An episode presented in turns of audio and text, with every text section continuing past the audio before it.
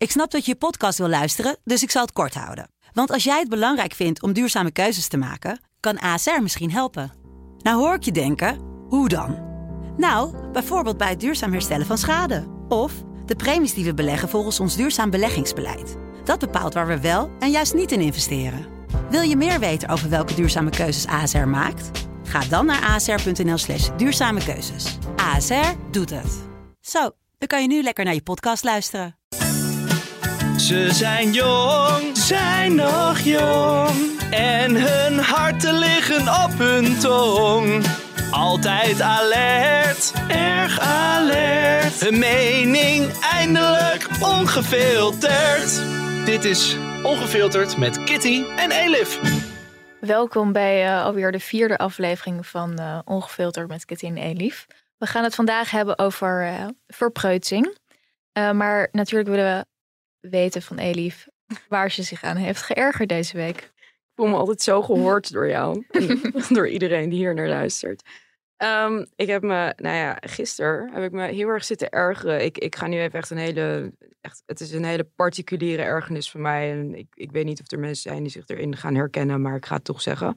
Eigenlijk altijd als ik op de weg ben, uh, heb ik last van mensen in hele dure auto's. Echt van die snelle auto's. Gisteren was het een Jaguar I-Pace. Dat is zo'n zo'n grote elektrische, zo'n echt zo'n bakbeest is dat. Ik weet niet of je weet welke ik bedoel, maar dat is echt zo'n nou, en dan als je dan ook vaak mensen in een Porsche of in een andere, nou gewoon een van die hele snelle sportauto's, hele dure auto's, die dan heel langzaam rijden. Gewoon echt met een slakkengang over een provinciale weg waar je dan 80 mag. Die mensen die rijden dan 50 of zo. Maar is het omdat hij dan laag bij de grond is, dat ze dan bang zijn dat ze... Nou, ik had het dus ooit een keer, want het is natuurlijk niet de eerste keer dat ik me hier aan geërgerd heb. Ik had het ooit op Twitter gezet van wat is dat nou? Want ik snap het oprecht niet. Ik snap niet waarom je zo'n auto hebt als je dan vervolgens, zeg maar, bij de slakkengang over de weg gaat. En toen waren er heel veel mensen die zeiden, en toen dacht ik, oh ja, de, tuurlijk. Die zeiden allemaal boomers. Oh ja, tuurlijk, want andere mensen, normale mensen, hebben geen geld voor die auto's, zeg maar. Maar die rijden gewoon langzaam?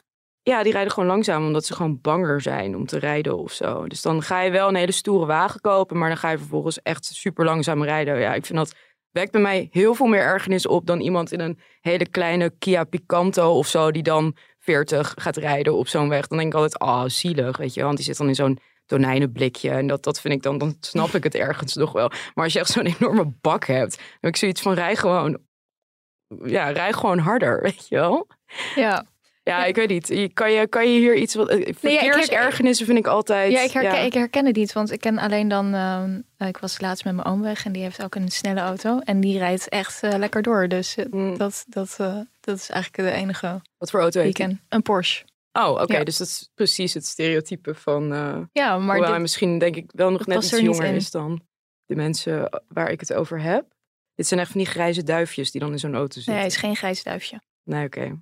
Um, kan jij mij overtreffen hierin? Um, nou, ik heb me aan iets anders geërgerd. Het is ook een doorlopende ergernis en ook uh, iets wat als een boemerang terugkomt. Uh, namelijk dat we in een tijd leven waar mensen heel snel afspraken afzeggen. En ik heb er zelf ook een handje van. Dat weet Elif ook. Dat als dingen niet uitkomen, dat ik dan ja, gewoon even snel af heb van... hé, hey, het gaat toch niet lukken vanavond? Of uh, ja. ik, ik ga het niet redden. En dat is een soort gemakzucht. En ik merk dus, uh, in de afgelopen jaren zit ik in een paar van die clubjes. En ik heb zelf ook een club opgezet, waar jij ook in zit. Ja. Uh, een leesclub. En um, dat iedereen dat allemaal heel leuk vindt. Maar dat het dus heel lastig is om op langere termijn mensen aan je te binden. Omdat er dus echt een Beling-cultuur heerst. En mm. er is uh, een tijd geleden, een paar jaar geleden, uh, verscheen er een um, opiniestuk in de New York Times. En dat heette The Age of Bailing. En dat ging dus precies daarover. Dus hoe gemakkelijk millennials, jonge mensen afspraken afappen. En dat dat dus uh, ja, heel veel frustratie op den duur oplevert. En dat dat zo normaal is geworden. Dat je er eigenlijk ook niet meer echt iets van kan zeggen.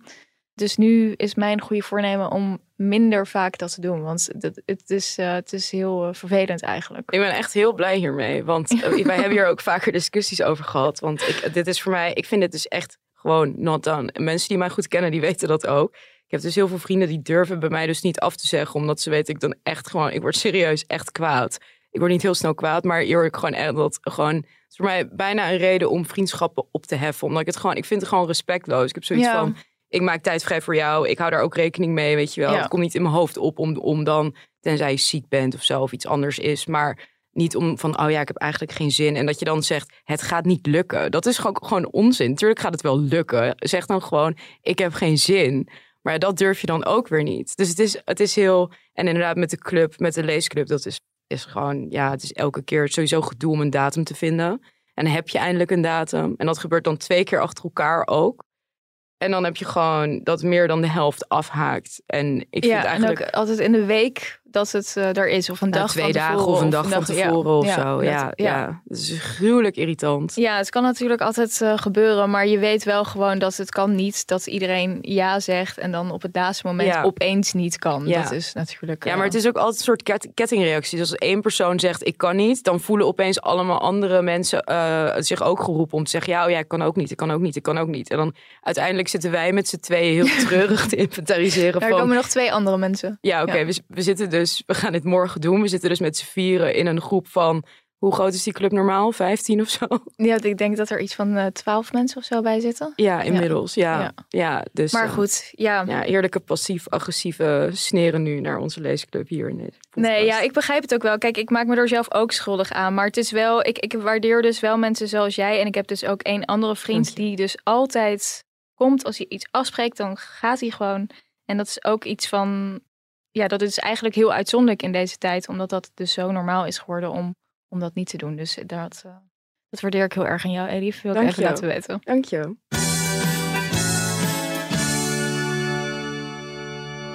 Ja, we gaan het vandaag hebben over verpreutsing. Want dat is een discussie die af en toe eh, terugkeert als het gaat over eh topless zonne of free the nipple op Instagram.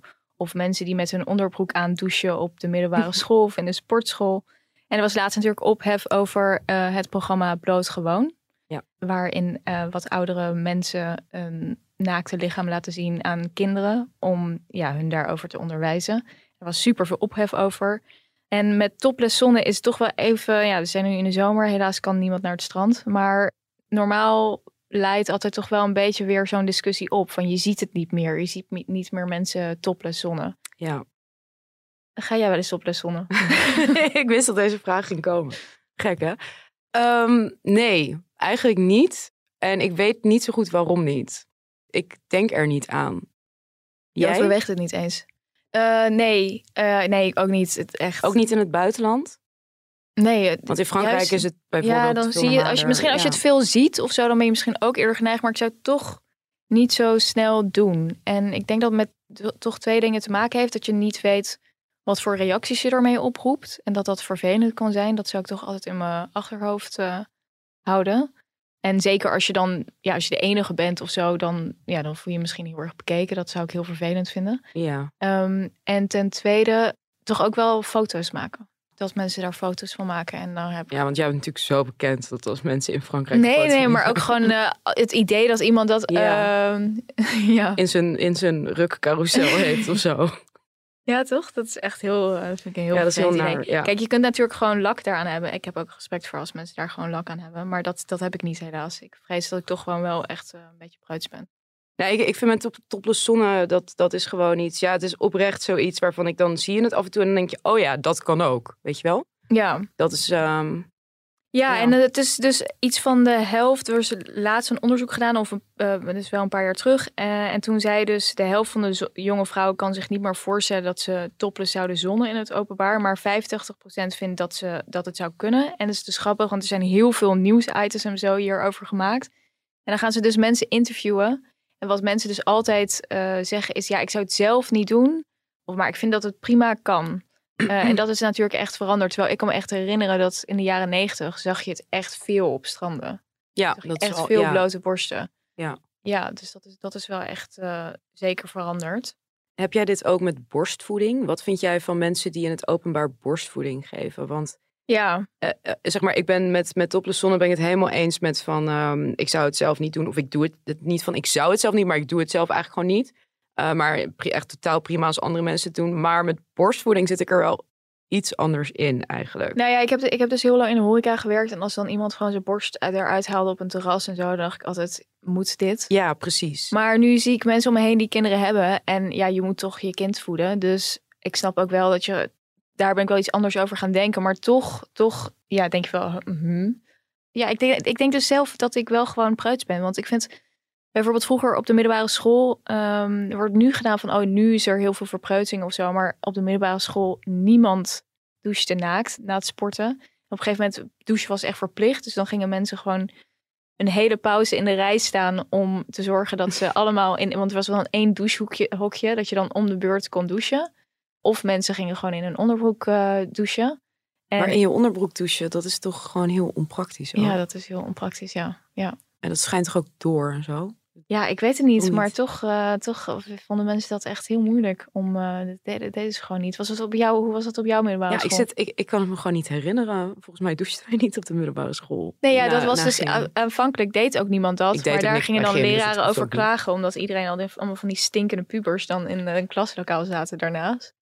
Dus ehm, toen werd dat ook verplicht. Ja, maar wij, ja, wij spanden ons gewoon niet zo in, zeg maar. dus dat is ook niet echt nodig. Maar eh, je hoort natuurlijk nu ook best wel vaak dat, dat, dat mensen, nou vooral mannen, dan lopen te klagen van... Ja, eh, in de voetbal eh, locker room, zeg maar, wordt er nu alleen maar met onderbroeken aangedoucht en zo. En dat zegt ze vaak, ja, komt door Marokkaanse Ja, spelers. Die ja. zijn preutser ook van, van huis uit en zo. Ja, Ja, maar ik zie bijvoorbeeld, kijk, ik vind bijvoorbeeld in de sportschool, als dan in de kleedkamer, dan heb je af en toe types die gewoon heel lekker vrij zijn in hun lichaam. ja. En die gaan dan eh, uitgebreid zitten bukken en dan zit je echt opeens in, in iemands poenie te kijken en dan denk Dat je echt, oké. Ik schrik me elke keer dus helemaal kapot. Ja, maar het is wel altijd zo'n reflectie. Dan denk ik bij mezelf van, oh ja, deze mensen zijn gewoon helemaal oké ermee. En blijkbaar is iedereen, dan denk ik altijd, oh ja, ik ben waarschijnlijk gewoon, of nee, dat weet ik van mezelf, dat ik blijkbaar gewoon preuts ben. Maar dat vind ik dus grappig als je dus mensen op straat vraagt. Niemand wil toegeven dat ze preut zijn. Het is allemaal, ja, maar ik heb er helemaal geen probleem mee. Ik vind het echt prima als mensen dit allemaal doen. Maar ondertussen doet niemand het ook zelf. Ja, maar ik denk wel dat er een groot verschil zit tussen eh, of bijvoorbeeld mensen het doen eh, die als lelijk worden gezien. Of zeg maar mensen met bijvoorbeeld een mooi lichaam of zo. Want wat mij wel opvalt in de sportschool is dat ik, deed laatst de deur open in de kleedkamer. Gewoon totaal niets vermoedend. En eh, toen, toen zat er zo'n vrouw, nou, een vrij forse vrouw, wijdbeens in een soort lotushouding zichzelf in te smeren met, met lotion, zeg maar. Maar echt wijdbeens, nou, je zag gewoon alles. eh, gewoon, en ik schrok er gewoon echt van. Gewoon dat je echt... En niet omdat het seksueel is, want dat is het gewoon totaal niet. Maar het is gewoon... Je schrikt er gewoon van. Ja, maar ook En- omdat je het niet meer gewend bent, omdat je dat blijkbaar niet vaak ziet. Toch? Dat is het. Nou ja, ja, maar in welke situatie zou je dit vaak zien? Als het dus de norm was, bijvoorbeeld in de sportschool, terwijl het, is, het is niet de norm. En Nou, in de sportschool wel. Tenminste, bij mij in de vrouwenkleedkamer loopt bijna iedereen daar. Maar het zijn gewoon wel onevenredig vaak vrij oudere, dikkere vrouwen die dit doen. Zeg maar. Dat valt me wel op. Dat, dat vind ik echt opvallend. ja, maar die zijn dus gewoon uh, vrij daarover en die, die, die schamen zich dus blijkbaar niet. eh, want het is natuurlijk wel gewoon schaamte ook deels, waarom je niet Ja, zo gezien wil worden. Ja, ik heb er wel altijd, als ik dat zie, dan denk ik, ja, ik heb er wel respect voor dat je gewoon, dat het je niet eh, interesseert. Dat je gewoon lekker uitgebreid lotion gaat smeren. ja met je benen wijd in lotushouding en met niks aan. Ja, Ja. Ja, een gemeenschappelijke eh, vriendin van ons die ehm, maakte naaktkalenders. En ehm, daar was eh, vorig jaar of het jaar daarvoor ook wat ophef over ontstaan. Omdat zo- het was een soort eh, tocht door de stad. En dan kon je overal die naaktfoto's bekijken. En het zijn artistieke naaktfoto's. Eh, en een van die foto's zag je een vrouw, een mooie vrouw met blote borsten. En die was opgehangen in Zuid. En toen hadden dus mensen geklaagd in de buurt-app. En Hm. toen was er een soort van klein relletje over van... oh, je zie je wel weer de verpreutsing, de verpreutsing. Ja. Wat is er mis met gewoon een vrouwenlichaam met borsten? En we hebben even gevraagd of Lara Verheijden, zo heet de kunstenares... of zij daar iets eh, over wil vertellen. Ja, ik vind het eigenlijk moeilijk. Meestal zijn de mensen die klagen, die klagen bijna altijd voor een ander. Dus niet voor zichzelf. Snap je? Ze zeggen niet van ik vind het vervelend om deze naakte vrouw te zien. Die zeggen gewoon van er is hier een basisschool in de buurt. Of eh, dit hoeft toch niet iedereen te zien. Of sommige mensen vinden dit vervelend. Weet je wel? Maar is, ik heb niet zo vaak gehad dat echt mensen zelf zeggen van ik vind het vervelend om nu een naakt iemand te zien. Ehm, maar ik heb ook wel eens dat ik dan tegen een vrouw zei met kinderen van... hé, hey, wij gaan hier zo een naaktfoto maken. En toen zei ze, nou ja, Ik zei, ja, misschien moet- je kinderen even, of ja, dat je het even weet. Of als je het vervelend vindt, zeg het maar. En dat ze ook zei van, nou, als ik dat vervelend had gevonden, had je, hem wel mogen had je mij wel mogen wegsturen hoor. We zijn wel in Amsterdam hier. Of eh, kom op, zeg, we zijn toch hier in Nederland. Ja, dat, dat is eh, inderdaad, het is altijd voor de kinderen. Hè? Ja, maar dat is wel grappig, toch? Wat zij eh, zegt, want ze zegt eerder over, ja, niemand wil preut zijn. Maar het is dus voor de ander willen ze Ja, zijn. ja, Ja. ja. En zeg maar moeders die zeggen, ik wil mijn kind niet op mijn kinderen dit zien. Dat is wel eigenlijk, dat ben je gewoon zelf preuts, toch? Want het, wat zij zegt klopt inderdaad. Die kinderen maakt het waarschijnlijk helemaal niet uit. Of ze zeggen iets heel loms over het naakte persoon. Dat kan ook. Ja, we zijn dan toch altijd bang dat dat kinderen beschadigt of zo. Dat is natuurlijk ook een beetje in deze cultuur. Qua, qua, qua blootgewoon zie je dat natuurlijk ook eh, terug van ja, waarom moet dat? Terwijl dat vroeger misschien de normaalste zaak van de wereld was. Maar ik wil nog even één ding vertellen over. Ik was dus ook op de presentatie van ehm, Lara van eh, haar naaktkalender. Pre-corona was dit volgens mij. En toen was er daarna dus een hele discussie. En zij zit natuurlijk in die artistieke kringen. En dat is op zich vrijzinnig. Maar is ook een kring die natuurlijk heel erg bezig is met Me Too. En ehm Ja. safe space creëren. En hoe kun je zus en zo. En Lara is altijd gewoon heerlijk nuchter en ehm, grounded, vind ik altijd. En het ging, er waren een paar sprekers of vragen en die gingen daar maar over door, kan ik me herinneren. Van hoe, ja, hoe kun je mensen dan eh, op moment dat je ze laat poseren, hoe kun je ze zich zorg voor, zorgen dat ze zich safe voelen en ehm, dat ze zich niet te geseksualiseerd misschien voelen of dat ze zus of zo. En zij reageerde daar ook gewoon op van ja, zulke mensen fotografeer ik niet. De mensen die ik fotografeer, die zijn gewoon, die trekken gewoon hun kleren uit en die gaan gewoon, eh, ja, die hebben daar gewoon geen moeite mee. Er zijn mensen die boeit dat gewoon niet. Ja. Die trekken gewoon hun broek uit, die gaan gewoon op een fontein zitten in een park en dat interesseert ze gewoon niet. En dat was echt zo soort ontnuchterend, omdat, omdat die, er zit natuurlijk wel gewoon een kramp in die discussie. Van Ja. het is aan de ene kant moet het heel artistiek en vrij zijn, maar aan de andere kant eh, moet het ook dus zijn van eh, dat je iedereen 100% de hele tijd op zijn gemak moet laten voelen. En dat jij als fotograaf ook daar ook heel erg verantwoordelijk voor bent. Dus ja, dat, dat, dat vond ik heel, eh, heel grappig. En ook, ehm, ja, als je kijkt naar ehm slutshaming en zo. En dus naaktfoto's die online staan. Zij had ook een keer zo iets gezegd over dat bijvoorbeeld iemand als Merkel. Die heeft gewoon een naaktfoto online. Want Mhm. in de tijd van de DDR was dat dus heel normaal dat mensen blijkbaar gewoon naar naaktstranden of zo gingen. En wel, ik zou toch altijd denken van, oh ja, maar inderdaad, word ik gefotografeerd? Dat vind ik heel vervelend, want straks komt dat online te staan. Terwijl je ook natuurlijk zou kunnen denken, nou, dan komt Ja, het online te staan. Boeien. Boeien. Ja. Ja. Maar dat, dat is niet echt de mentaliteit eh, momenteel. Want als je, ja, en het is natuurlijk, kijk, als jonge, jonge meisjes en hun naaktfoto's lekken uit en ze worden in Telegram groepen. Ja, maar dat, is Shamed natuurlijk en wel, zo. dat gaat altijd wel over een ander soort foto dan een, een foto dat je topless op het strand ligt de zon. Dat zijn vaak wel gewoon ja, foto's die bedoeld zijn voor zeg maar sexting of zo. Dus dat het wel ja, er een soort intieme sfeer omheen hangt, zeg maar. Het zijn niet foto's van mensen in een openbare plek. Nee, Dan- precies. Ze zijn wel meer dat domein van privéfoto's Ja. echt. Ja, Ja. het is de, de context is denk ik wel heel belangrijk daarin. Want ja, in die groepen, die, eh, die groepen waarin ook meisjes worden geëxposed en zo met Ja. een nummer erbij en al die dingen, dat zijn vaak wel gewoon echt seksueel getinte foto's. ja. Terwijl als jij topless op het strand ligt, dat is, ja, dat is in the eye of the beholder of dat zeg maar seksueel is of niet. En dat Ja. is het voor de meeste mensen gewoon niet. Ja, maar dat heeft natuurlijk ook wel mee te maken met eh, bij wat voor soort meisjes dat gebeurt. En eh, hoe, nou ja, als je eh, eh, omgeving hebt die daar, Ja. waarin dat heel schaamtevol is. Dus bijvoorbeeld ja, als met uit- Marokkaanse meisjes. Ja, als die dan vervolg, vervolgens zo geshamed worden of geëxposed. Er was laatst ophef over, dat, over die groepen. Ja. Dat dat dan bestaat en zo. En hoe naar dat is. En dat dat dus heel schaamtevol is op het moment Ja. dat dat dan uitlekt. Of dat je ouders dat te weten komen. Komen en dat je dan... Ja, die lopen gewoon het risico op, op verstoting en dat soort dingen. Ja. Als hun ouders dat, of dat denken ze in ieder geval. Je weet niet of het zo is, maar ja, dat is wel, dat is wel echt een heel ander, ander kaliber natuurlijk. Ja, Maar het is natuurlijk ook wel, ik weet nog wel dat er een tijdje geleden was er in, ehm, in Leiden was er ook zo'n ophef over eh, zo'n restauranteigenaar die foto's had of die eh, camera's had geplaatst op de wc, op de vrouwenwc in zijn restaurant. En er waren dus mensen achtergekomen en dat filmde hij dan dus met zeg maar onduidelijke redenen.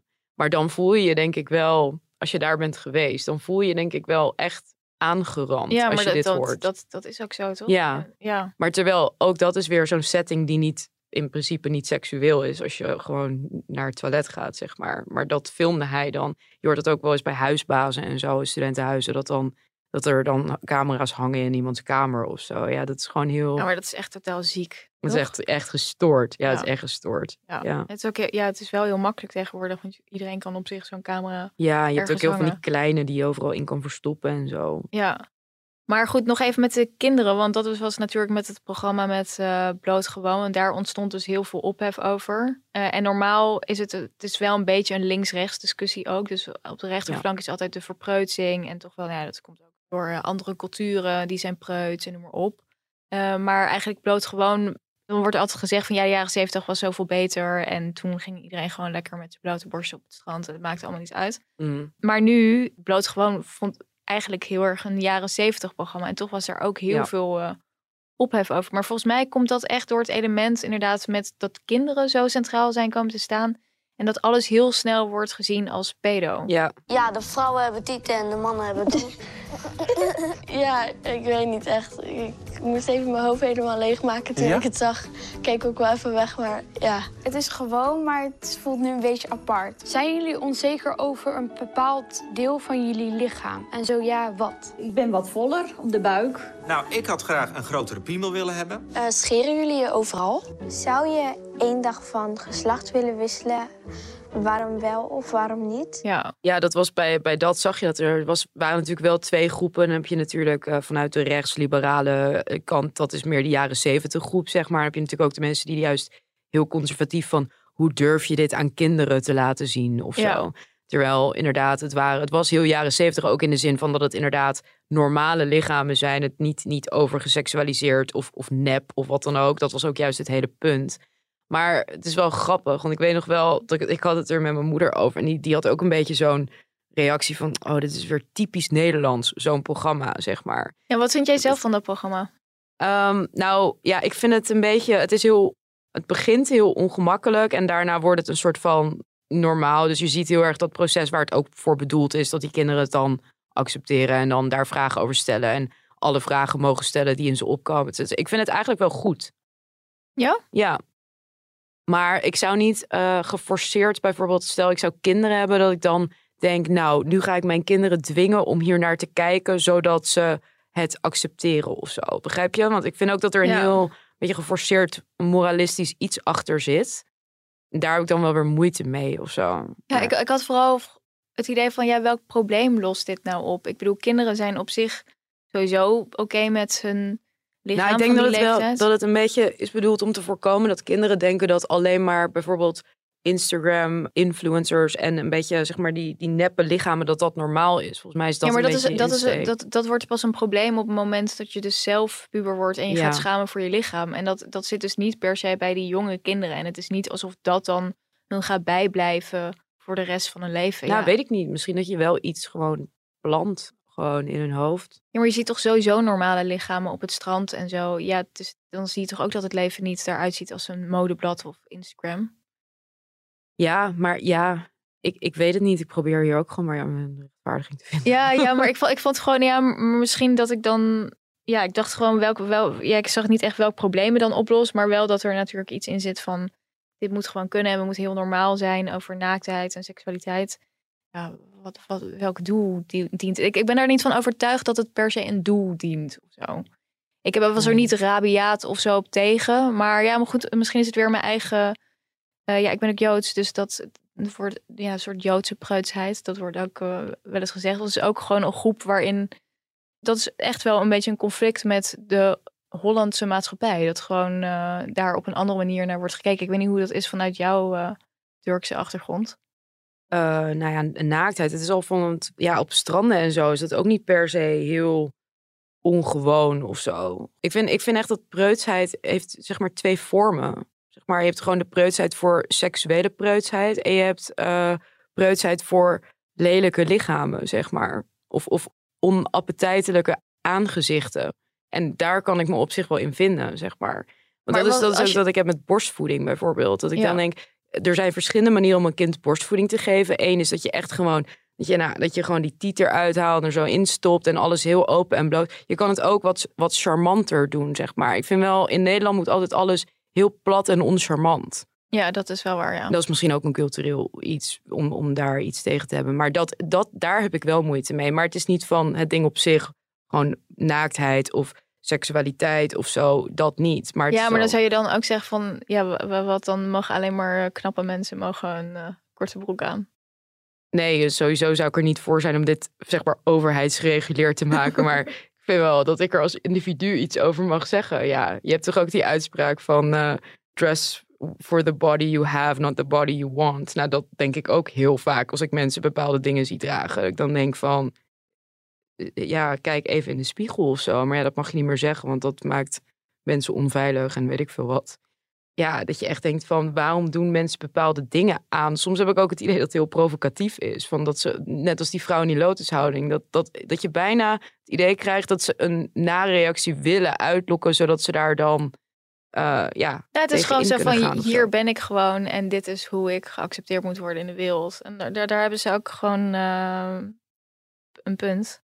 Toch? Ja, en dat kan ook. Er is niemand die ze, die ze opsluit of zo als ze dat doen. Maar ja, je kan er wel wat van vinden, toch? Ja, zeker. zeker. Ja. Je kunt het zelf niet mooi vinden of denken, moet Van dat? ja, moet dit of Ja. zo. Ja. Ja. ja, dat, precies dat. Ehm, maar het is wel grappig, want ik vond het wel interessant dat dan alles, ja, dus dat het heel snel in een soort pedohoek wordt getrokken van, eh, toch, met het programma Bloot Gewoon of daar. En dat zag je natuurlijk ook met dat incident met Bilal Wahib.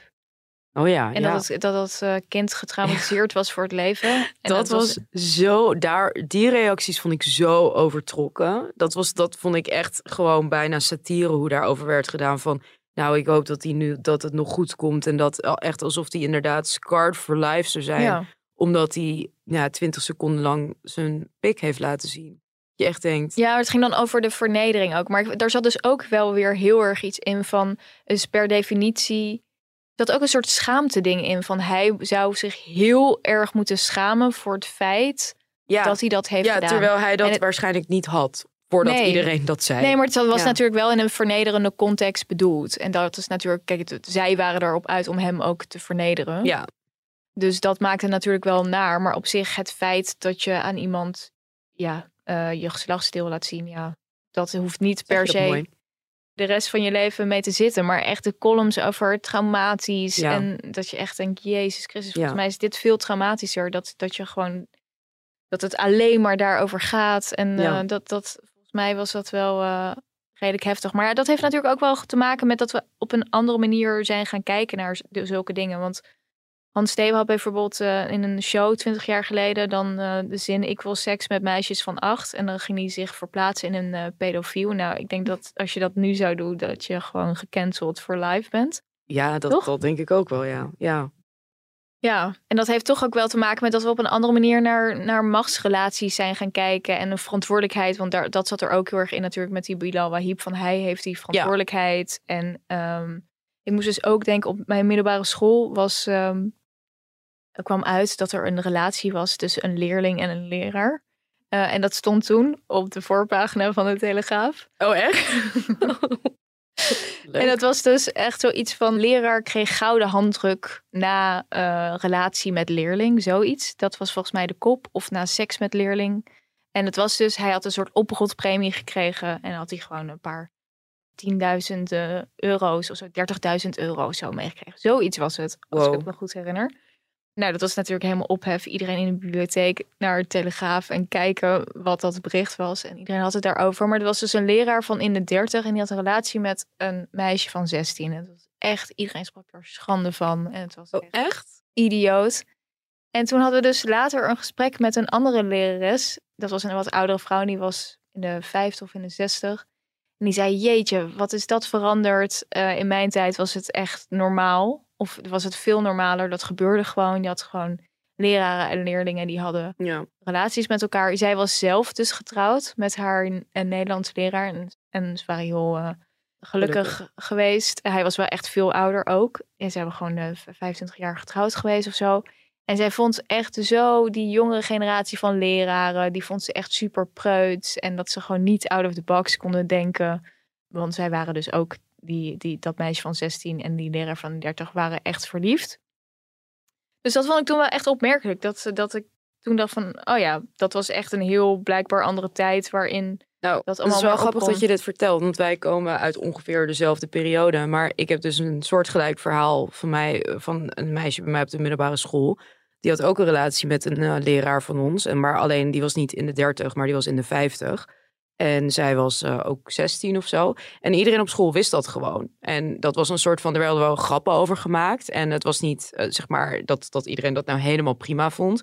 Maar het was wel gewoon bekend. En zij is op een gegeven moment naar een ander, ander filiaal van onze school gegaan. Zodat het oké werd, zeg maar. Want haar ouders en zo, die wisten het blijkbaar ook. En die vonden het prima. Eh, en toen is daar gewoon intern iets, iets op bedacht. Van nou, dan gaat zij op de andere vestiging. En dan is er geen ethisch bezwaar meer of zo. Omdat dus blijkbaar alle partijen het gewoon accepteerden. En ook Maar vraag me af of dat dan verpreutsing is dat dat verandert. Of dat dat dan, nou ja, toch te maken heeft met dat mensen gewoon heel anders zijn gaan kijken naar dat soort dingen. En veel meer bezig zijn met, vanuit MeToo ook, gewoon die bewustzijn van die machtsstructuren. En je kunt nooit volmondig ja zeggen als eh 16-jarige Ja. of als minderjarige. Ja, ja. dat, dat moet een onderdeel zijn van jouw beslissing om wel of niet als dader, tussen aanhalingstekens, met iemand een relatie aan te gaan. Maar met als, of als persoon met overwicht. Ja. De leraar in dit geval. Ja. Ik denk niet dat je dit nu, dit heb je denk ik echt niet meer nu. Dat, dat leraar, leraren. Nee, maar het is gewoon klaar. Je wordt meteen ontslagen. En dat ja, nee, maar je hebt nu, je eh, hebt nu zelfs dat als je, als je op een Ja. universiteit of op een, een hoger, hoger onderwijsinstelling, dat er al relaties, dat je dan al je baan kan kwijtraken en zo. Terwijl dat gewoon om twee volwassenen gaat. Vind ik best ja, en wel... toch, toch, toch zit ik ook wel, want als je ziet nu bijvoorbeeld in Frankrijk, wat natuurlijk altijd het land is geweest van de vrije seksuele Ja. moraal, die wij denk ik voor een deel ook hebben overgenomen. Maar nu zijn we misschien meer beïnvloed ook door het Amerikaanse Ja. ding van het Puriteinse en ook totaal hypocriet, want het is, alles is gewoon seks in Amerika, Ja. behalve seks. Als het over seks gaat, daar mag het dan nooit over gaan. Ja. Ja, dat, dat, maar je ziet nu ook wel in Frankrijk zijn er nu ook maatschappelijke discussies dat er allerlei dingen naar buiten komen van in de jaren zeventig. Eigenlijk mensen die zich misbruikt voelen in dat soort relaties. Jonge meisjes die muzes waren van bekende schrijvers of en die dan nu zeggen ja eigenlijk ben ik gewoon twintig jaar lang misbruikt. Het is niet altijd alleen maar iemand heeft natuurlijk ook gewoon overwicht op het moment dat hij twintig jaar ouder is en het kan ook totaal manipulatief en zo worden ingezet. Ja, dat is ook wel zo. Maar denk je ook niet dat de tijdsgeest wel een invloed heeft ook op de ervaring van mensen? Dus dat als je dat dan nu dan daarop terugkijkt, dat je dan, als je alle verhalen van nu hoort, dat dan mensen kunnen denken van, oh, maar dat heb ik ook meegemaakt. En dat je dan met terugwerkende kracht een soort traumatische ervaring construeert, zeg maar. Terwijl je het op dat moment misschien niet zo voelde. Ik wil het niet bagatelliseren, maar dat, is, dat, dat zou ook wel mee kunnen spelen, toch? Ja, maar ik denk ook dat, het- dat, dat er waarschijnlijk in die tijd gewoon niet, niet ruimte was om dat soort gevoelens te hebben. Omdat de maatschappij zo op was Ja. ingericht dat jij Ja. je op een bepaalde manier moet gedragen. En dat je dus een muze bent en dat je je mond moet houden en gewoon Ja. een oude man moet pleasen of zo. En dat je heel blij moet zijn met die rol. Ja, ja, muze is natuurlijk ook iets heel, zeg maar, romantisch. Ja. Eh, dat is gewoon heel, ja, romantisch, artistiek. Een eer, eigenlijk. Ja, Toch? ja, uitverkorene ben je dan. Ja. Ja. Maar iemand die eh, denkt dat eh, er volgens mij wel verpreutsing is en dat vroeger alles beter was, is eh, Arthur van Amerongen, waar wij grote fans van zijn. En die gaan we even bellen in de Algarve om te vragen hoe hij allemaal kijkt naar dit soort dingen.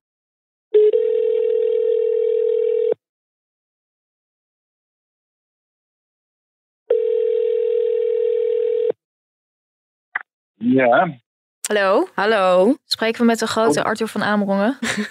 kon, kon jullie stopcontact niet vinden? Sorry, het duurde even wat langer.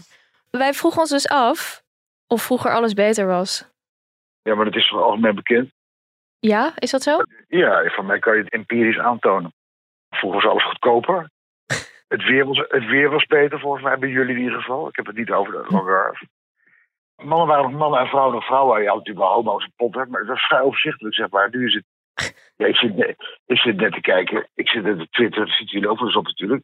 Dus de ABN, de ABN die, die, die, die doet in het kader van de, Gay Pride... hebben ze een of andere hele valse nicht. En die zegt, ja, ik, ik, ik wel suf. Dat, dat zegt hij niet, maar hij is gewoon promiscu.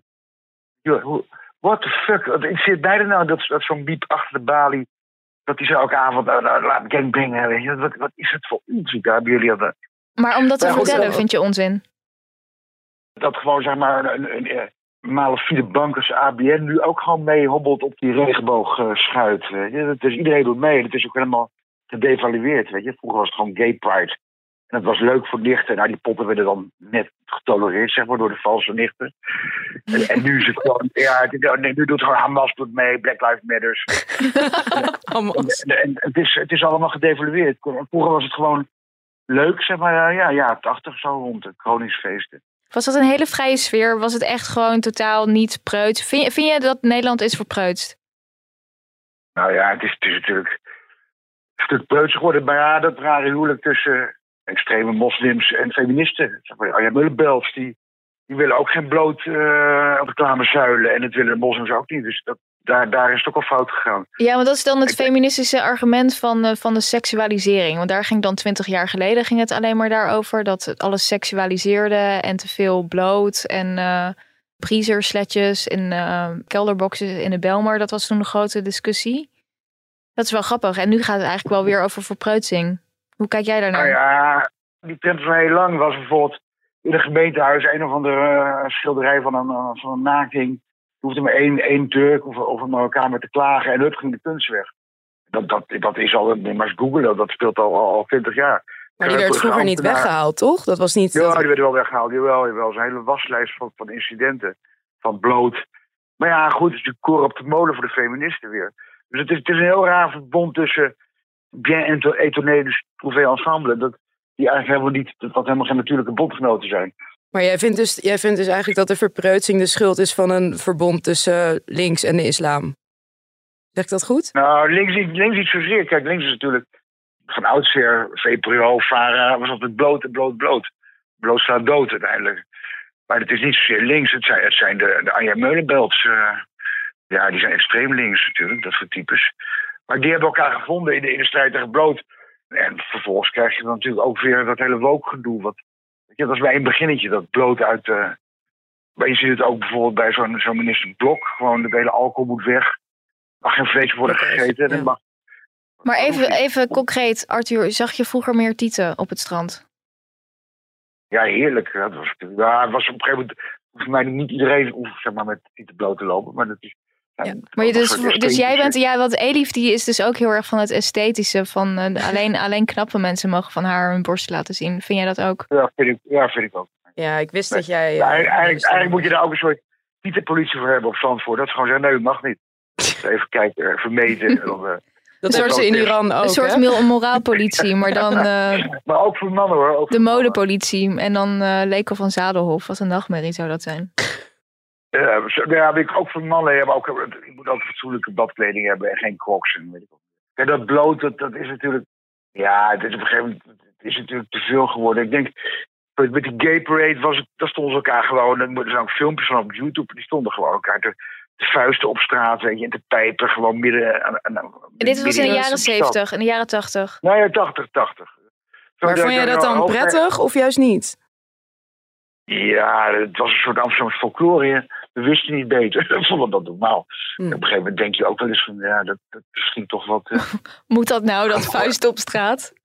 Ik zag laatst een filmpje van, van een van de laatste gay parade. Er stond er zo'n pispaal met vier van die, die gaten erin. Ja, dat heb ik ook gezien. Dat was echt Die had super daar glas neergezet. Iedereen piste er en die dronk dat op, weet je. Die, eh, nou ja, moet ook wel kunnen dan. Ja, dat is In, Du- in, Duits, in, Duitsland is urinetherapie is natuurlijk hartstikke bekend. Als je s'morgens je eigen, maar is je eigen ochtendurine, hè? Niet, Ja, maar dat is Nee, echt, dat dat, is dat is het Dat- allersmerigste filmpje wat ik ooit in mijn leven heb gezien. Ik meen het echt. Nou, die vent die er anders uit de vuisten, ook gewoon midden op de gracht ergens, is ook behoorlijk smerig. En die anderen zijn gewoon een kroketje te eten, het is allemaal om niks aan de hand. Dus, dus kijk, er, zijn, er zijn wel esthetische grenzen. Ik vind het niet, Ja. niet uit moralistisch oogpunt, het ziet er gewoon niet uit. Ik ben het echt helemaal met je eens, echt. Oké, dus, 100%. dus, dus, dus niet eh, dus meer esthetische grenzen, dat zou goed zijn. Ja, puur esthetisch. Gewoon, eh, ook dikke mensen moeten ook weg uit het stadsbeeld. Dat is ook, weer- dat is ook weer helemaal, dat mag allemaal weer, weet je, dik. Nou ja, ik ben net, ik moet nog 10 kilo, maar ik ben 7 kilo afgevallen. En ik, ik kan het iedereen aanraden, want dik is echt vies. En ik krijg allemaal snoepjes door. Het, het, het is gewoon, die dik is niet oké. Never. Nou, het was heel eh, verhelderend. Ja, dankjewel. Oh, dat was het. Ja. Tot spoedig. Doei. Tot snel. Dag. Doei. doei. doei.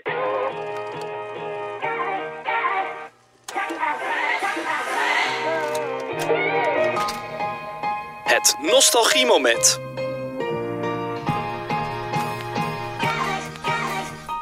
Ik heb een breakout op de kop getikt. Weet je nog, Elif? De breakout. Ja, dat weet ik nog heel goed, ja. Las je die vroeger met allemaal blote mensen erin? Ik, eh, ik had geen abonnement, maar ik, ik zag het wel eens bij andere mensen. En dan had ik ook weer eigenlijk, waar, precies waar we het net ook over hadden, dat ik dacht, dat is niet esthetisch verantwoord. dat dacht ik toen al, hè, toen ik kind was.